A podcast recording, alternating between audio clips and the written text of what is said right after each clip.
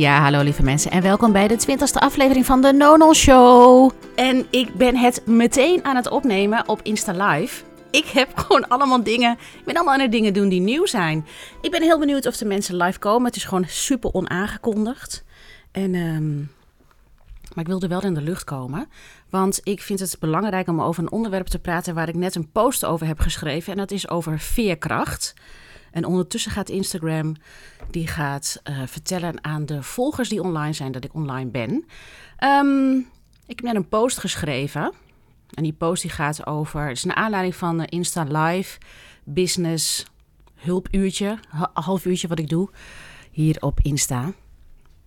Het is wel bijzonder hoor, om een podcast in te spreken en dan tegelijk live te doen. Maar weet je, fuck it. Het is echt gewoon zo geweldig dat al deze technische dingen um, aan de hand zijn en dat je ze gewoon kan doen. Ik kan gewoon live, ik ben eigenlijk gewoon live aan het streamen via Instagram. Helemaal prima. ik was dus een post aan het schrijven naar aanleiding van een vraag die ik gisteren kreeg. En de vraag um, is, was, hoe blijf ik positief als uh, het in mijn business gaat, niet gaat zoals ik verwacht? Nou, daar kan je heel veel verschillende antwoorden op geven. Alleen Gisteren heb ik het ook gedaan in een live. Dan kan je in een andere video kan je kijken wat ik daarop heb gezegd. Alleen ik wilde. Um, vanmorgen was ik erover aan het schrijven en ik heb er dus ook een post over gedeeld. Maar ik wilde eigenlijk wat meer aandacht aan besteden, omdat ik dit een topic vind die, waar heel weinig aandacht aan wordt besteed. En dat topic is eerlijk zijn, um, echt zijn, um, het echte plaatje geven. Kijk, als iemand deze vraag stelt, als er iemand, één iemand deze vraag stelt, dan zijn er dan is dat een. Ik zie dat altijd als een vertegenwoordiging van honderden mensen die dat hebben. Zo niet duizenden mensen. Hoe blijf ik positief bij tegenslag? En we leven een beetje in een tijdperk, een beetje, behoorlijk. Um, en dat verschilt per land ook, want ik ben me zeker bewust dat we in Nederland leven. Waar ontzettend veel welvaart is ook niet. Maar er is gewoon heel veel welvaart. Er is heel veel mogelijk. Technisch en digitaal is er heel veel mogelijk. En dat roept een beetje de schijn op dat wij als mensen dan ook maar alles kunnen. Kijk, al die filters hier op Insta. Ik gebruik ook een filter, omdat ik het gewoon niet fijn vind om naar mezelf te kijken um, met een slaperige kop. Dus dan gebruik ik een filter. Nou, als dat mogelijk is, dan is dat mogelijk. Ik gebruik daar niet een filter met make-up. Maar als je me in het echte leven ziet, dit is gewoon wie ik ben, dit is hoe ik doe. Ik zal ook echt niet anders zijn. Dus ik maak het wel een beetje mooier. En doen we dat dus niet allemaal. Alleen, ehm, als iemand de vraag stelt: hoe kan ik positief blijven? Dan zien we dus veel te veel verhalen dat mensen ehm, bij tegenslag positief zouden zijn. En ik denk dat we één ding echt de wereld uit moeten helpen. En dat is dat je altijd maar positief moet zijn. Dat er überhaupt positiviteit en negativiteit bestaat. Dat we dat bestempelen. Dat we zeggen. Um, nou ja, eh, wat er in me opkomt is dat, er dus, dat we mensen zijn en mensen hebben gevoelens. Um, toen ik zelf twaalf jaar geleden in een burn-out zat, toen voelde ik niks. Ik ging makkelijk over mijn grenzen. Ik leefde volgens mijn uh, overlevingsmechanismes, volgens een idee dat ik had. En um, dat zat ook in mijn lichaam. Dat ik gewoon zoiets had van, oh, alles kan, uh, alles kan, alles mag. Heel nuchter, heel laconiek. Uh, ik deed, ik zat in een periode waarin ik dingen deed waarvan ik zelf had verwacht. Oh, dit lukt allemaal. Dit kan ik allemaal. Kan allemaal helemaal prima. Ik ben een, ik ben een vrouw en ik ben sterk en ik kan alles. dat is het beeld wat we met z'n allen een beetje ontvangen als vrouw. Ik kan niet als man praten, helaas. Maar ik, mannen. Ik heb laatst heb ik een, uh, een podcast opgenomen met een man. En die zegt ook: ja, wij als mannen krijgen ook een soort van beeld van. Zo hoor je als man te gedragen momenteel. En ik had het beeld: zo hoor je als vrouw te gedragen die een kind krijgt. Gewoon lekker werken. Vier dagen in de week. Ook al slaat mijn kind niet door. Ik heb heel veel energie. Nou, ik heb jarenlang dus ook vrouwen begeleid die. Uh, een soort beeld hadden van zichzelf dat ze superwoman waren. Alleen alles behalve, want je bent gewoon mens en je kan maar nog zoveel. Dus dan raak je op een gegeven moment raak je uitgeput als je een soort van beeld, ideaal beeld van jezelf hebt. Ik moet het allemaal maar kunnen, ik moet het allemaal maar doen. En dat houden we met z'n allen ook in stand. En dat is eigenlijk wat ik wil aankaarten vandaag. Dat we met z'n allen elkaar voor de gek houden. En dat het is tijd wordt dat we daar dus gewoon mee gaan stoppen. Um, We kunnen stoppen in business met dat we elkaar voor de gek gaan houden. Dat we als we deze tien stappen volgen, dat we dan een miljoen gaan verdienen, bijvoorbeeld. Ehm, ik ben tien jaar ondernemer. Ik heb. Um, um, ik zit even te bedenken, wat wil ik daarover zeggen? Financieel heb ik eigenlijk altijd dus een bovenmodaal inkomen gehad. Omdat ik niet streefde naar een miljoen. Ik streefde ook niet naar een ton. En ik had ook geen ambitie om twee ton te verdienen. Omdat ik één, um, het businessmodel daar niet voor had. Twee, ik durfde geen hogere prijzen te vragen. Dat is nu wel iets anders, maar mijn ambitie is anders. En er is ook helemaal niks mis mee met bovenmodaal gemiddeld uh, uh, geld willen verdienen. Want en dat wilde ik ook aangeven. Zeven jaar geleden had, kreeg ik kanker. En ik denk altijd, jeetje, dat heb ik al zo vaak verteld, maar kennelijk niet. Want gisteren was ook een vraag, uh, maar hoe ga je dan naar de kern en waarom doe je wat je doet? Nou, überhaupt ben ik ooit begonnen als lichaamswerker, omdat ik het belangrijk vond om mensen te begeleiden in uh, dat ze konden gaan leren voelen. En waarom ik dat zo belangrijk vind, is dat als je gaat voelen, ook de negatieve, nou ja, nou zeg ik even negatieve dingen, maar dat is een beetje in de volksmond. Teleurstelling, verdriet, onmacht, boosheid. Dan ga je ook kracht, compassie um, en allerlei andere fijne gevoelens ervaren. Um, we hebben allemaal, als het ware, zeven, in de eerste zeven levensjaren hebben we defensiemechanismes opgebouwd. Het heet het egosysteem. En dat egosysteem dat zorgt ervoor dat wij in een bepaal, bepaalde patronen uh, leven en ondernemen. En als je ergens, nou ben ik van alles nog wat door elkaar aan het vertellen. Dit is welkom in mijn brein als ik niet gestructureerd praat. Maar goed, ik geef je echt even een, wel, een welkom in mijn, uh, in mijn wereld. Um, ik wilde eerst vertellen over dat kankerverhaal. Maar ik moet eerst even beginnen met waarom ik ooit ben begonnen met ondernemen. Is omdat ik gewoon, ik kan niet in een, ik kan niet in een bedrijf werken. Ik heb, ik heb ik, ik kan niet tegen bepaal, dat we volgens bepaalde stramine moeten gaan gedragen. Ik ben daar heel eigenwijs in. Ik kan me natuurlijk aanpassen, wat, de, wat ik mijn halve leven heb gehoord. Je moet je gewoon aanpassen en dit is gewoon hoe het is. Maar na een paar maanden of een jaar kreeg ik het gewoon, ging het bij mij kriebelen. En had ik het gevoel, ja weet je, dit gaat hem gewoon niet worden. Dus um, Ik ben ondernemer geworden omdat ik gewoon heel erg eigenwijs ben. Punt. dat is waarom ik ondernemer ben geworden. En omdat ik dat gevoel van vrijheid heb om de dingen te kunnen doen zoals ik ze wil doen. Niet dat ik gewoon denk, oh, dan hoef ik, geen, hoef ik niet hard te werken. Of voel, hard te werken als in, dan ben ik niet de verantwoordelijke voor het geld, het aanbod en noem het allemaal maar op. Want je moet het ook gewoon kunnen dragen. Maar dat ik de vrijheid heb om te kunnen bepalen wat ik wil doen in mijn werk en in mijn leven. Want ik zie mijn onderneming als het middel om het leven te leiden wat ik fijn vind. En daar ben ik elke dag nog aan het uitzoeken. Hè. Ik heb, uh, want dat verandert ook. Mijn kinderen zijn nu 10 en 13. En ik vind het belangrijk om ook aanwezig te zijn bij mijn kinderen. Dus ik ga niet. Ik heb nooit, ben nooit een ondernemer geweest die van 9 tot 6, vijf dagen in de week aan het werk was. Dat is niet mijn stijl. En ik wilde namelijk ook bij de kinderen zijn.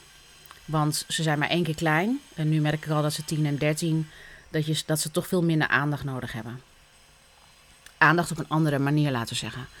Dus ik heb altijd ondernomen of de ondernomen of gewerkt in ondernemingsvorm, omdat ik dan de tijd had om de dingen te doen die ik belangrijk vind op een manier die ik wil doen. Dus ik ben eerst begonnen met um, die opleiding rebalancing lichaamswerker. Dat heb ik dan gedaan. Daar heb ik echt leren, geleerd dat hey, er zit ontzettend veel wijsheid in het lichaam om te voelen wat de ingevingen zijn van het lijf. En twee jaar later kreeg ik kanker. Toen ik net een uh, mooie praktijk had, toen kreeg ik kanker. En toen dacht ik, oh, kut. En nu dan? Dat was 39. Kinderen waren toen 3 en 6. Nou, dat was even een, dat was even een optater. En de optater niet eens zozeer als...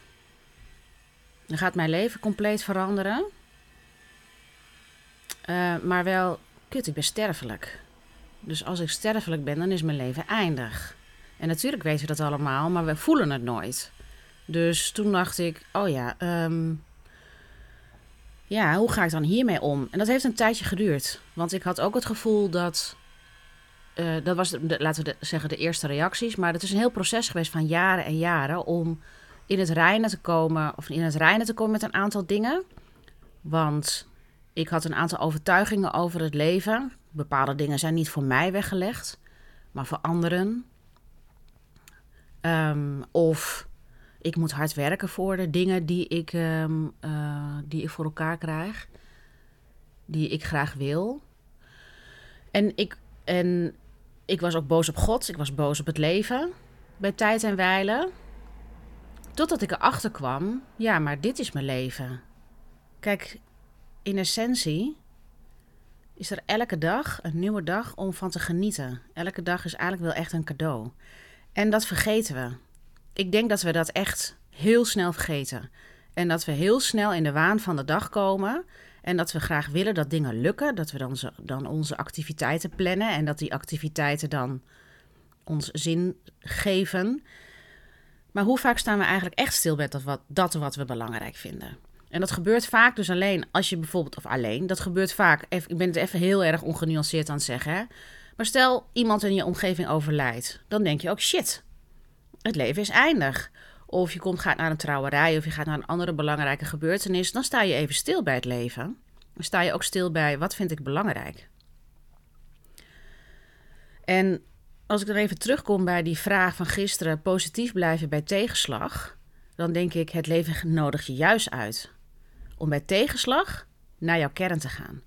Ik geloof dat het leven ons elke dag, als wij daarvoor openstaan, als wij rondkijken, als we de tijd ervoor nemen, in plaats van dat we maar druk, druk, druk doen, dat we dan gewoon zien: hé, hey, het leven nodigt ons telkens uit om vanuit onze kern te leven. Om met ons met de mensen te omringen waar we energie van krijgen.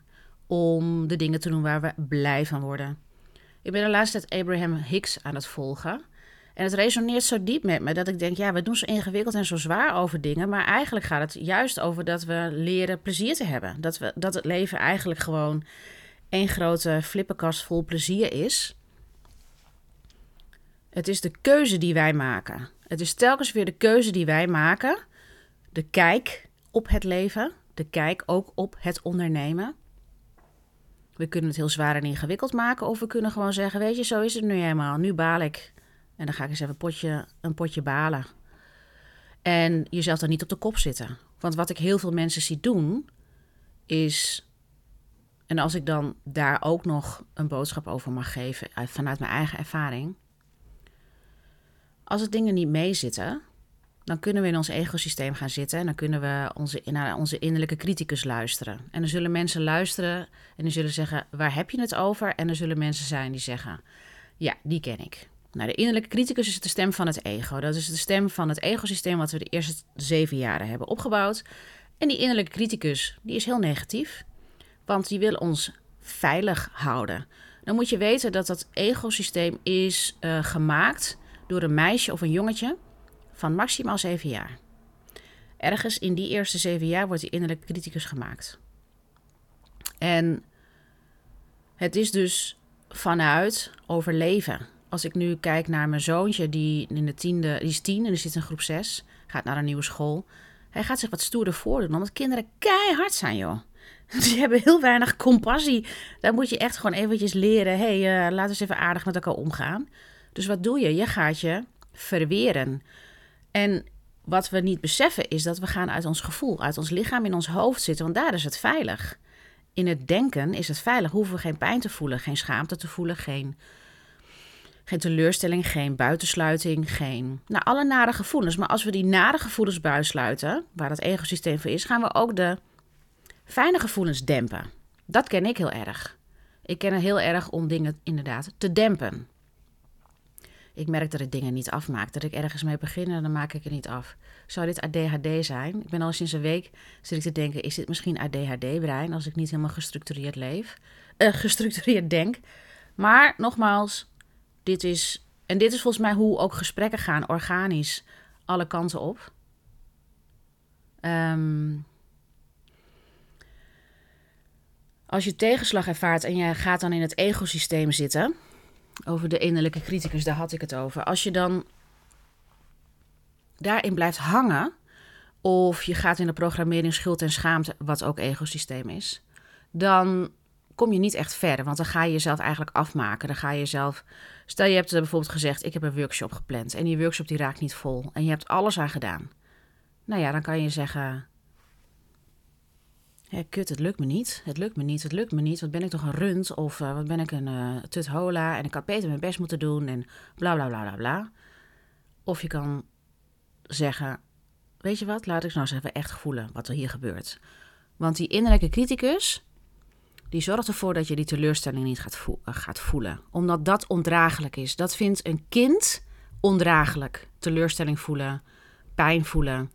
Dat kan een kind vaak niet eens alleen. Dat kan je als ouder wel doen. Dan kan je zeggen: Ik zie dat je teleurgesteld bent. En dan ga je er gewoon even bij zitten. En dan geef je er aandacht en ruimte aan, zodat het kind het kan voelen.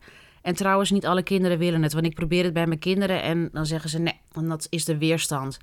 Dat is dus volgens mij gewoon een mooi natuurlijk systeem. En op een gegeven moment, ook al blijf je, hey, je kan het blijven benoemen. Ik zie dat je teleurgesteld bent of boos bent.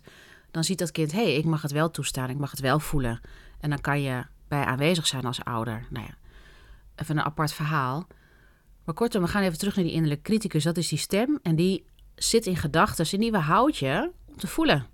Dus dat wat mijn kinderen doen, dat doen volwassenen ook. Maar daardoor gaan we heel erg in, in ons in de weg zitten. En vooral als we ondernemer zijn, zijn wij de motor. Wij zijn de motor als ondernemer voor de onderneming. Als je nou, of je nou een, een, een ZZP'er bent zonder nou, ZZP'er, of je bent een ondernemer met personeel, dan is het van belang dat je um, om kan gaan daarmee. Maar ook dat je op een gegeven moment zit van, weet je wat, gebeurt weer, geen probleem. Dat je je handleiding erbij pakt, want iedereen heeft een andere handleiding, hoe je daarmee omgaat. Um, sommige mensen die willen echt heel graag in dat gevoel gaan zitten en dat gaan voelen. Ik geloof niet dat het altijd noodzakelijk is. Um, hoe het bij mij werkt is dat ik één het gevoel detecteer, en dat kan zo in een paar minuten zijn. Oh, ik ben teleurgesteld. En ik kan misschien een dag ervan balen. Maar op een gegeven moment, als ik het al heb toegestaan, het duurt een paar seconden dat ik het voel. En dan kan het nog een beetje weg ebben. Dan kan ik of een, uh, een vriendin gaan bellen. Of ik ga gewoon even lekker een uh, wandeling maken. Of ik ga iets doen. Ik ga zeggen, nou weet je wat? Ik ga gewoon even wat opschrijven. Of ik ga de administratie doen. Klinkt heel gek. Maar ik ga soms niet eens bij de pakken neer. Ik ga soms niet bij de pakken neerzitten. Daar bedoel ik niet dat ik het gevoel ga toestaan. Um, soms wel. Maar ik heb niet meer de behoefte om bij elk gevoel wat rottig is, om daarbij stil te staan. Ik merk, weet je wat, het mag er helemaal zijn. Het is een soort van, oké, je bent er, het is aanwezig. Soms helemaal niet hoor. Dan ga ik een hele middag, dan denk ik, weet je wat, het gaat niet worden vandaag. Ik voel me zo kloten. En dan ga ik mezelf gewoon lekker verwennen. Maar ik ga mezelf niet op de kop zitten. Want ik denk, ik ben een mens. Uh, en dat vind ik belangrijk. En, wat ik, en dat heb ik dus geleerd van de afgelopen jaren ontwikkeling nadat ik kanker had. Naast dat ik ondernemer was, heb ik ook zeven jaar geleden kanker gehad. En ik heb daar echt wel lang over gedaan om daar echt helemaal van te herstellen. Op een manier met bewustzijn. Uh, op een emotionele manier, op een spirituele manier en mentaal. Um, want ik ben ook heel lang nog bang geweest om kanker te krijgen.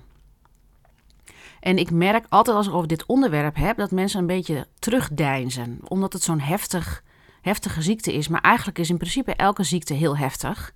En we mogen meer gewoon zijn dat de dood en ziekte een onderdeel is van het leven. Um, het is niet iets wat we vieren, maar het is wel normaal om dat te. Om dat eigenlijk echt te gaan leren accepteren. En ook dat tegenslag dus hoort bij leven. Ehm, want ik zie dat geluid nog veel te weinig. En ik ben blij dat ik andere mensen zie die bijvoorbeeld wel een geluid geven over hoe het voor hun is in de positie waarin ze zijn. Minderheids, minderheidsgroepen vind ik alweer zo'n rotwoord. Maar er is wel steeds meer een geluid van: hey, hallo, ik heb wat hier over te zeggen. En ik heb een beetje, ik heb niet per se de drang om te vertellen Ehm, hoe het is om kanker te ervaren. Maar ik trek het naar een groter plaatje en ik heb meer de drang om te vertellen: mensen, we zijn allemaal niet heilig. We zijn allemaal niet uh, vrij van ziekte en dood. Um, um, het hoort bij het leven en we hebben echt toch gewoon eens te accepteren of om te kunnen gaan met tegenslag, met dingen die anders lopen dan dat we hebben gepland. Want dat is het leven. En vooral in de Nederlandse samenleving waar we alles graag willen controleren en in regeltjes willen vastzetten. En kijk maar om je heen hoe de omgeving is, maar ook hoe je vrije tijd inplant. Ik ben half Spaans, dus ik zie ook hoe het in een andere cultuur eraan toe gaat. En nou ja, weet je, er zijn heel veel culturen waarin, er, waarin het niet is dat we het, dat we het leven wordt beheerst. Want dat kan niet. We kunnen het leven niet beheersen. We kunnen wel kijken hoe we er mee omgaan op een manier dat we er veerkracht, hè, met veerkracht. En eens eerlijk kijken naar zaken. En dan misschien op individueel vlak. Ik zit al in mijn hoofd te denken aan wat grotere dingen. Maar bijvoorbeeld in ondernemerschap dat je dus merkt, ja, de dingen gaan niet helemaal zoals ze, zoals ze moeten gaan. Nou, wat heb je dan nodig? Je kan omgaan met je gevoelens, dat is stap 1. Je kan omgaan met je energie, stap 2. En stap 3, wat heb ik nodig? Wat heb ik nodig om die workshop vol te laten lopen? Wat heb ik nodig om die klanten aan te trekken? Wat heb ik nodig om de cashflow te organiseren? Wat heb ik nodig om deze klant goed te managen? En dan is het soms heel erg fijn dat je mensen om je heen hebt waarmee je kan sparren uh, in een groep. Uh, of dat je uh, inderdaad iemand zoals mij hebt waar je mee kan sparren en kan overleggen, maar ook dat je kan onderzoeken: hey, hoe zit het er nou? Ik denk dat dat meer de functie van coaching is, en dat is voor mij de, de, de functie van Nolans Business Coaching. Dat je iemand kan raadplegen die weet hoe het is om in zo'n situatie te zitten, die weet wat ondernemerschap inhoudt en die ook een soort van perspectief geeft, maar ook vaardigheden leert. En zo heeft elke coach heeft zijn uh, expertisevlak. Ik ben niet degene die jou um, in drie maanden tijd naar een miljoen gaat helpen of in een jaar tijd. Vind ik gewoon namelijk helemaal niet interessant. Wat ik veel interessanter vind, is dat je de rest van je leven ondernemer blijft en dat je het persoonlijk leiderschap in jouzelf hebt. Um, de creativiteit kan laten stromen, de inspiratie kan laten stromen en dat je de moed hebt, maar ook de ruimte om jouw visie te laten zien. En jouw onderneming op basis van die visie.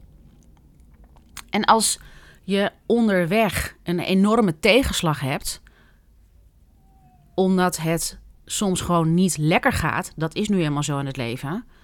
Um, dan kan ik mensen daarbij begeleiden. Omdat er eigenlijk van je gevraagd wordt om je nog meer te gaan ontwikkelen, om beter om te, naar beter om te gaan om op een, op een andere manier om te gaan met dat wat op je bordje ligt. Want je komt in de knoop omdat je dat probeert op te lossen op dezelfde manier als dat je hiervoor hebt gedaan. Ik ben gespecialiseerd in burn-out. Ik ben gespecialiseerd in kanker. Ik ben gespecialiseerd in ja, dat soort heftige gebeurtenissen. En niet zozeer dat ik gespecialiseerd ben in burn-out. Ja, daar weet ik dan het een en ander ook nog echt technisch van. Maar hoe bouw je je leven en je onderneming daarna op? Ehm, dat is waar ik eigenlijk kan zeggen, daar ben ik ervaringsdeskundige in. Daar heb ik de nodige vaardigheden in geleerd. Want ik ben er nog steeds. Als in het leven, opgewekt, plezierig, vrolijk. Ik weet inmiddels wat voor mij werkt en ik ga samen met mijn klanten kijken wat er voor hun werkt. Wat er voor hun werkt aan um, ja, wat er voor hun werkt om hun leven te leiden op een manier die plezierig is, die betekenis geeft en vervulling. Want nogmaals, dit leven heb je maar één keer. Misschien kom je volgend, of, in het volgende leven weer terug, maar dit keer heb je één keer. En wat mij altijd zo drijft is, laten we het leven gewoon helemaal omarmen met dat, dat wat er is. En dat wil niet zeggen dat er dan geen pijn is. Dat wil niet zeggen dat er dan geen ongemak is. Absoluut wel, er is ongemak. Uh, als ik terugkijk op de week, waren er ongemakkelijke momenten. Maar er waren ook zeker overwinningen. Ik heb met een vriendin had ik een akkefietje. Nou, dat spreken we uit. En dat is misschien niet één gesprek, dat zijn een aantal gesprekken. Dat doe ik ook met mijn man. Als daarmee gedoe is, dan bespreken we dat. Dan gaan we daarover communiceren. En misschien is één gesprek niet nodig. En dan heb je nog een gesprek en nog een gesprek. Die communicatie is gewoon zo belangrijk. Dat is trouwens ook iets wat ik in mijn arsenaal heb. Helder kunnen communiceren en dat ook overbrengen aan andere mensen. Ja, dit was even een Insta Live over veerkracht. denk ik. Veerkracht en een, en, een, en een ander beeld dan die succesformules. Kijk, als mensen. Ik ben altijd een beetje wantrouwig de laatste tijd. Als mensen alleen maar hele mooie fotoshoot-foto's maken. Omdat ik dan zoiets heb van wie ben je dan echt? als even die camera weggaat, wie ben jij? Wat ben jij? En daarom vind ik het fijn om deze video's te laten zien. Want ik wil graag dat je. Eh, we, kunnen elkaar niet, we kunnen elkaar niet zien in een ruimte. Maar dat je wel voelt wie is die Eva Visser eigenlijk? Maar ook dat als je me volgt. Stuur me gewoon even een berichtje of uh, even een contactje. Ik vind het leuk om je te leren kennen. Verbinding, menselijk contact. Dat is denk ik het allerbelangrijkste.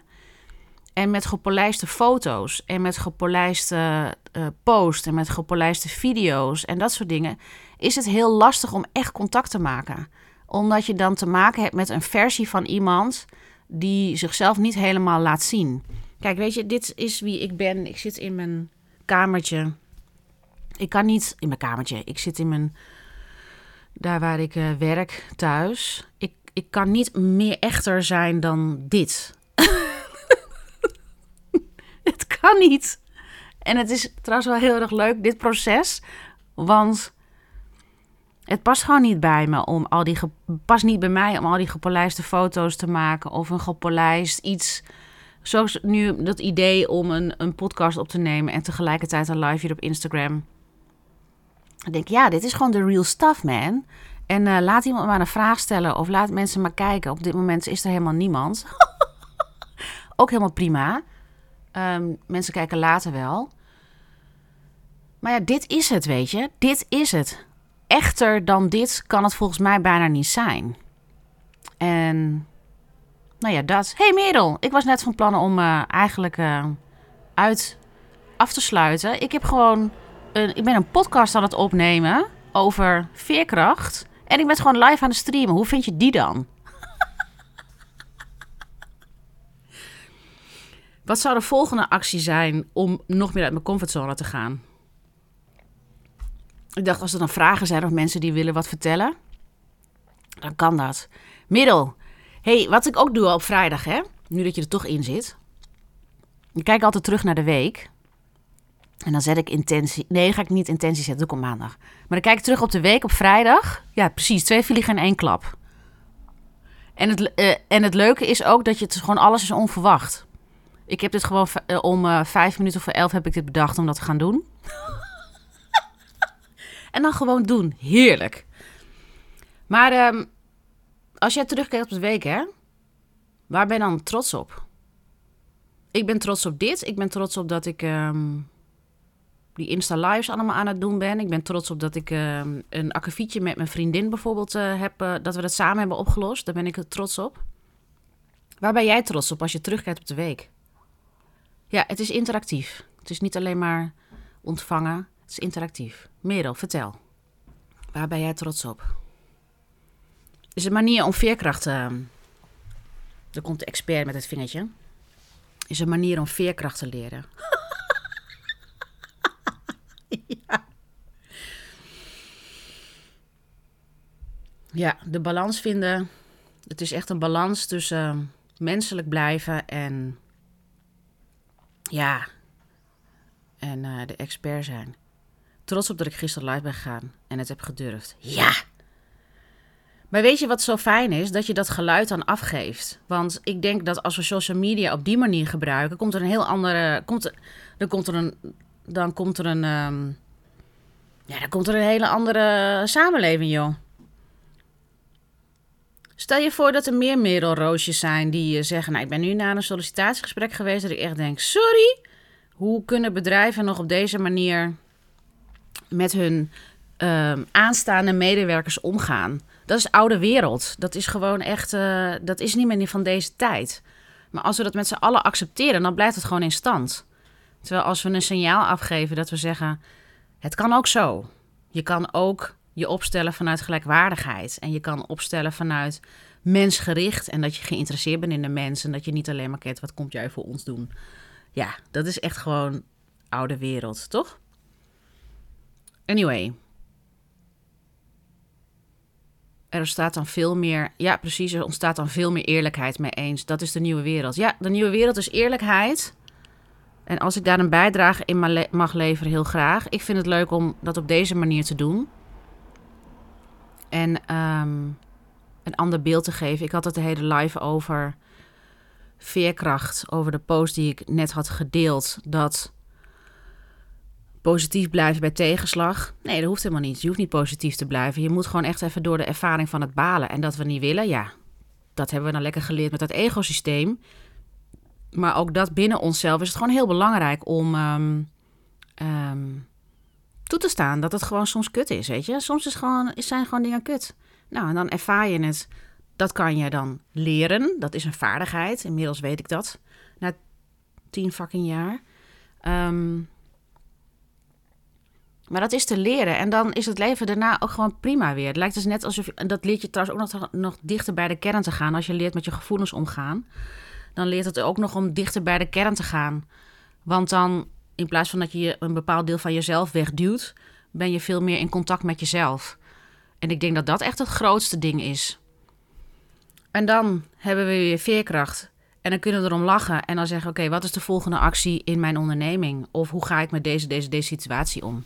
En dat, dat, maakt, dat is ondernemerschap. Ondernemerschap, er is geen succesformule. Alle mensen die zeggen, er is een succesformule, dat bestaat gewoon niet. Er bestaat geen succesformule. En wat soms een tijdje kan werken, kan werken. Voor een tijdje. En dan evolueert het weer, of dan word je groter als bedrijf, of um, je hebt andere ambities en dan is het weer anders. Het is gewoon niet iets wat je, wat altijd maar standaard één ding is.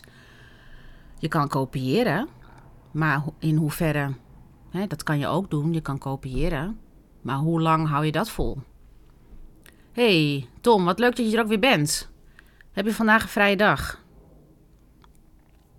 Of ben je, ben je vrij van je werkgever?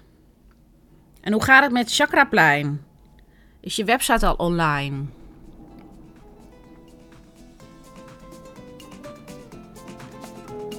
wel grappig als mensen joinen. Of misschien is hij alweer weg, weet ik niet. Anyway, dit was de Insta Live. En um, mocht jij een coachvraag hebben, dan kan jij bij mij terecht op dinsdag en donderdag van half twee tot twee hier op Insta. Dan ga ik live. Mocht je niet live aanwezig kunnen zijn, dan kan je via de DM kan je een vraag invullen uh, of inbrengen. En dan ga ik die uh, lekker beantwoorden en dan kan je hem later terug um, luisteren. Dus stuur je vraag in via de DM bij voor de lives hulp bij je business. Mensen, dankjewel voor het luisteren. Ik vond het super tof om dit live te doen via Instagram. En tot de volgende. Bedankt voor het luisteren. Doei doei!